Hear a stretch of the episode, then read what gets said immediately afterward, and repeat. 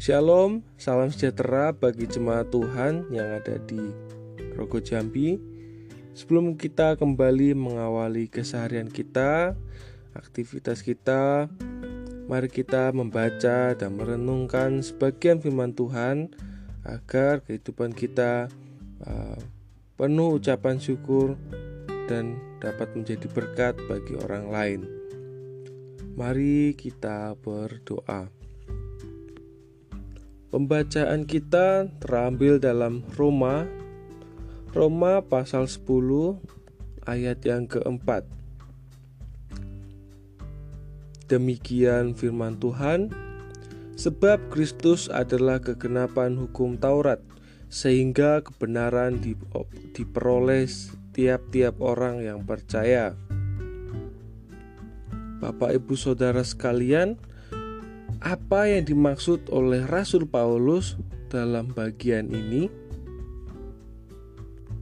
Yang mengatakan bahwa Kristus adalah kegenapan dari hukum Taurat.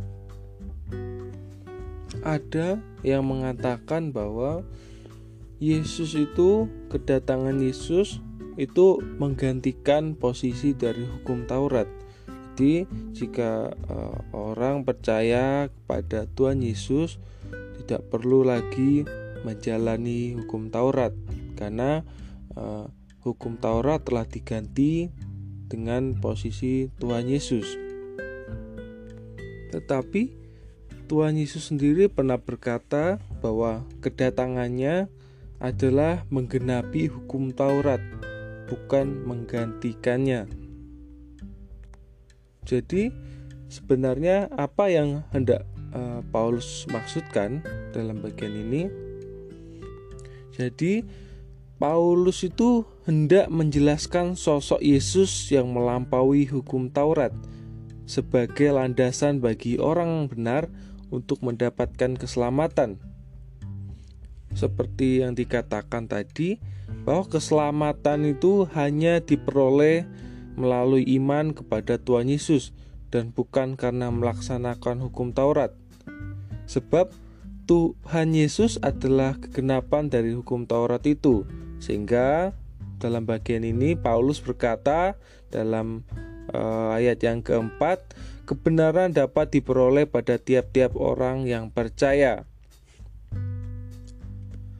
Paulus sendiri mengakui bahwa hukum Taurat sendiri tidak mem, uh, tidak mampu melawan kuasa dosa yang telah diperbuat oleh manusia dan hukum Taurat tidak memberikan kehidupan karena manusia tidak dapat menaati dengan seutuhnya.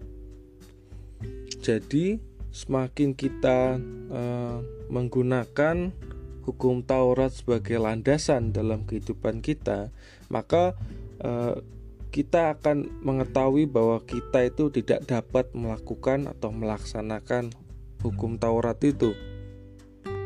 Tetapi hanya Kristuslah yang dapat berhasil memenuhi hukum Taurat dan tujuannya yang tidak mampu dilaksanakan oleh manusia. Dengan demikian, seorang se, uh, seseorang akan mendapatkan pembenaran dari hukum dengan beriman kepada Tuhan Yesus seperti yang diungkapkan oleh uh, Rasul Paulus, siapa yang berseru kepada nama Tuhan Yesus akan mendatangkan keselamatan baginya. Jika dibaca uh, pada ayat yang ke-13. Salah seorang penafsir yang bernama Charles Lee juga berpendapat bahwa makna dari telos nomo atau uh, akhir dari hukum tidak hanya sebagai penyataan bahwa Yesus Kristus telah mewujudkan tujuan dari hukum Taurat, yakni kebenaran, tetapi juga sebagai sebuah konsep eh, kebenaran Allah. Maksudnya apa?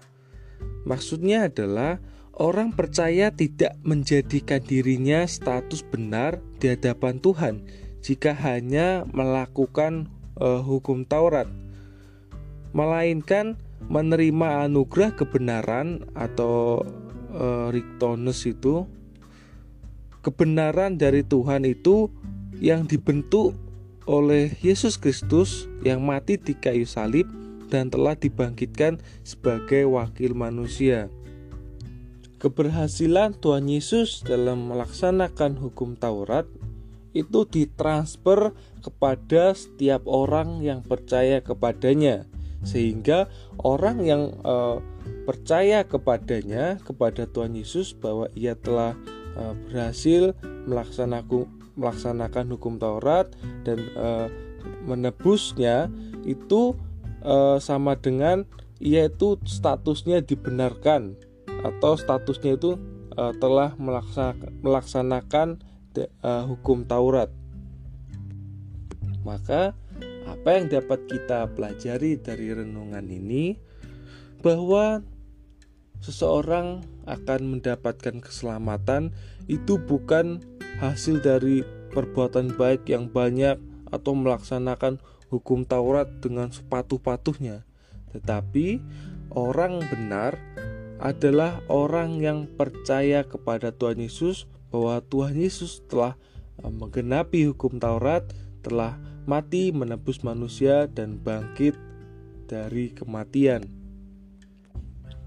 Jadi, maksud dari Yesus sebagai kegenapan hukum Taurat adalah dimengerti sebagai Yesus yang telah berhasil memenuhi tujuan dan maksud dari hukum Taurat yang ditransferkan kepada orang-orang percaya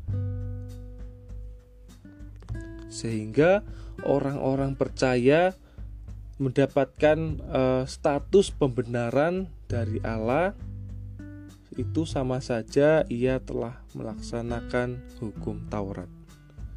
Amin buat firman Tuhan. Mari kita berdoa.